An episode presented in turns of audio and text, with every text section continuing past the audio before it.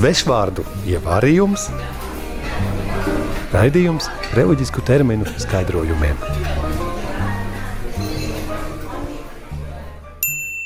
Šodienas burts ir Burts D. D. Diakons. Pirmā no trim ordinācijas pakāpēm. Diakona uzdevums ir kalpot un palīdzēt biskupiem un priesteriem liturģijā, īpaši evaharistijas svinēšanā. Tāpat diakons draudzē var kristīt, asistēt laulības sakramentā un to svētīt, sludināt evaņģēliju un sprediķot, vadīt bēres, kā arī veltīt sevi dažādiem žēlsirdības darbiem. Ir diakoni, kuri gatavojas priestrības ordinācijai, kā arī pastāvīgie diakoni, kas nesaņem priestrības sakramentu un var būt precēti. Un tagad neliela iedziļināšanās. Liturgijas laikā varam atšķirt diakonu ar viņa apģērbu. Viņš apģērbas ar dalmatīku, nevis ar ornātu. To var atšķirt liturgijas laikā. Cita atšķirība ir stola. Diakonam stolā ir no kreisā plēcā uz labo sānu. Ir divi diakonu veidi, varam teikt. Ir pagaidu diakoni, kuri gatavojas priesterībai. Tas apmēram ir vienu gadu laika. Viņi kalpo kā diakoni. Citi ir pastāvīgi diakoni, visbiežāk precēti tie kalpo draudzes, arī, arī Latvijā. Tagad īpaši Rīgas dieceze. Zinām arī, ka baznīcas vēsturē diakoni bija ļoti nozīmīgi, ļoti svarīgi. Gan kā tie, kuri rūpējas par labdarības darbiem baznīcā vai rūpējas par ekonomiskām lietām, gan kā evaņģīlijā sludinātāji. No Bībeles zinām vismaz divus diakonus. Tas ir Stefans Moceklis un Filips, kurš sludināja evaņģēļu Etiopam un izdarīja daudz brīnumdarbu, īpaši Samārijā.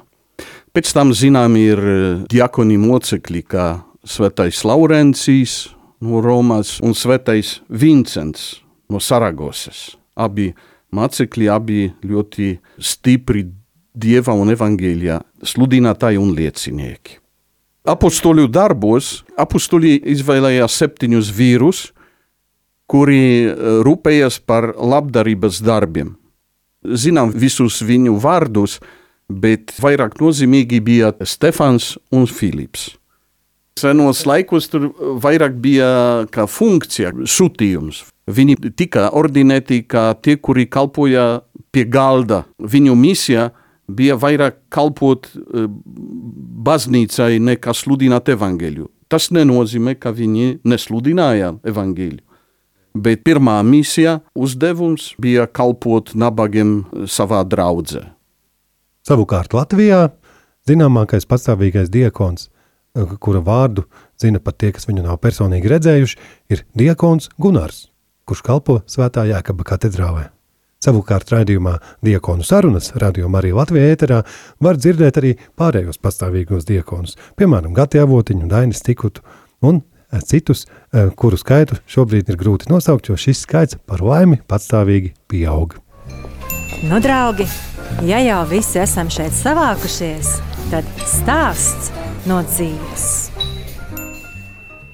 Ļoti bieži domājam, ka diakons tā ir tikai tāda formālā funkcija. Katreiz e, arī ir ļoti svarīga.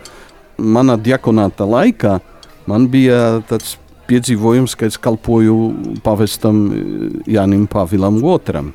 Tas bija dievkalpojums Vesperes gada beigās Svētā Ignācijā baznīcā Romā. Jānis Pāvils II bija jau vecs un noguris, un kādā brīdī ceremonijās man teica, un tagad tu apkupināsi altāri pavestā vietā. Bija tikai jāmaina roka, jo es turēju tribulāru kreisā roka, lai dotu to pavestam. Nu, tad kādā brīdī nomainīju roku un es apkupināju altāri. Nu, jābūt uh, uzmanīgam tādas situācijas. un tagad iesaistīsim šo vārdu teikumā. Un tā cienījamie televīzijas skatītāji atrodamies vēl ar vienu svētā Jēkaba katedrālē, dziedājums Aleluja ir izskanējis. Šobrīd diakons simboliski noliecies saņem priestara svētību evaņģēlija lasījumam. Kļūdains vārda pielietojums. Jā, nu, vēsturiski skaņu tehnika ir attīstījusies šādi. Ja tas ir tādā patafons, tur ir gramofons. Šeit mēs blakus jau redzam modernāku magnetofonu. Jā, tev arī diakons. Es atvainojos, diktafons. Svešvārdu ievārījums, raidījums reliģisku terminu skaidrojumiem.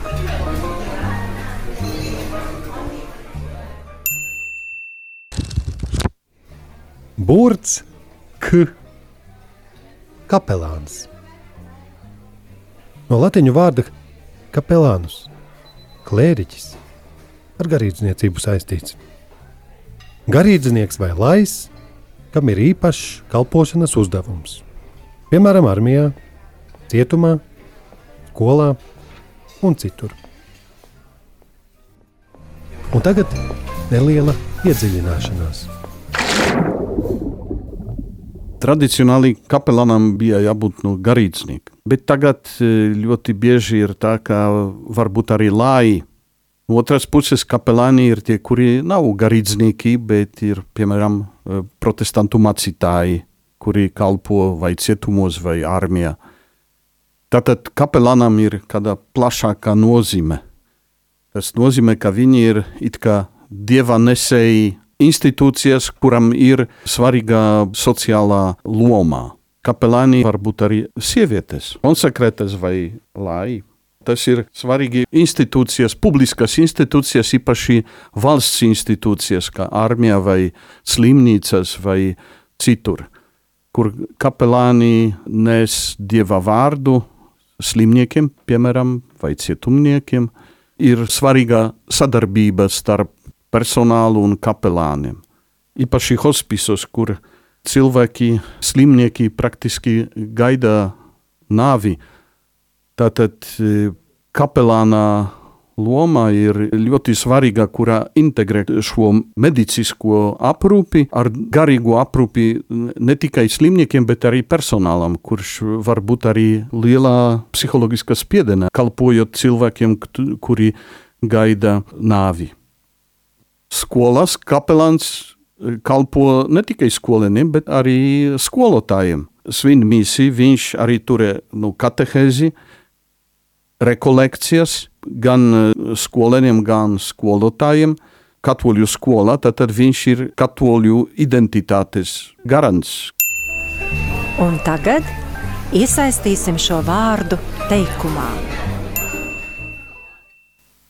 Origīnīt, man 21. horizontāli.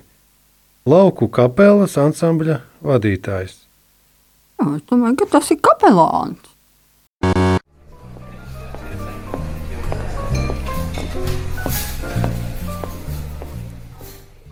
Roberta, re, kur ir? Re, kur ir tas kapelāns? Kapu svētki var sākties. Svešvārdu ievārījums, raidījums reliģisku terminu skaidrojumiem.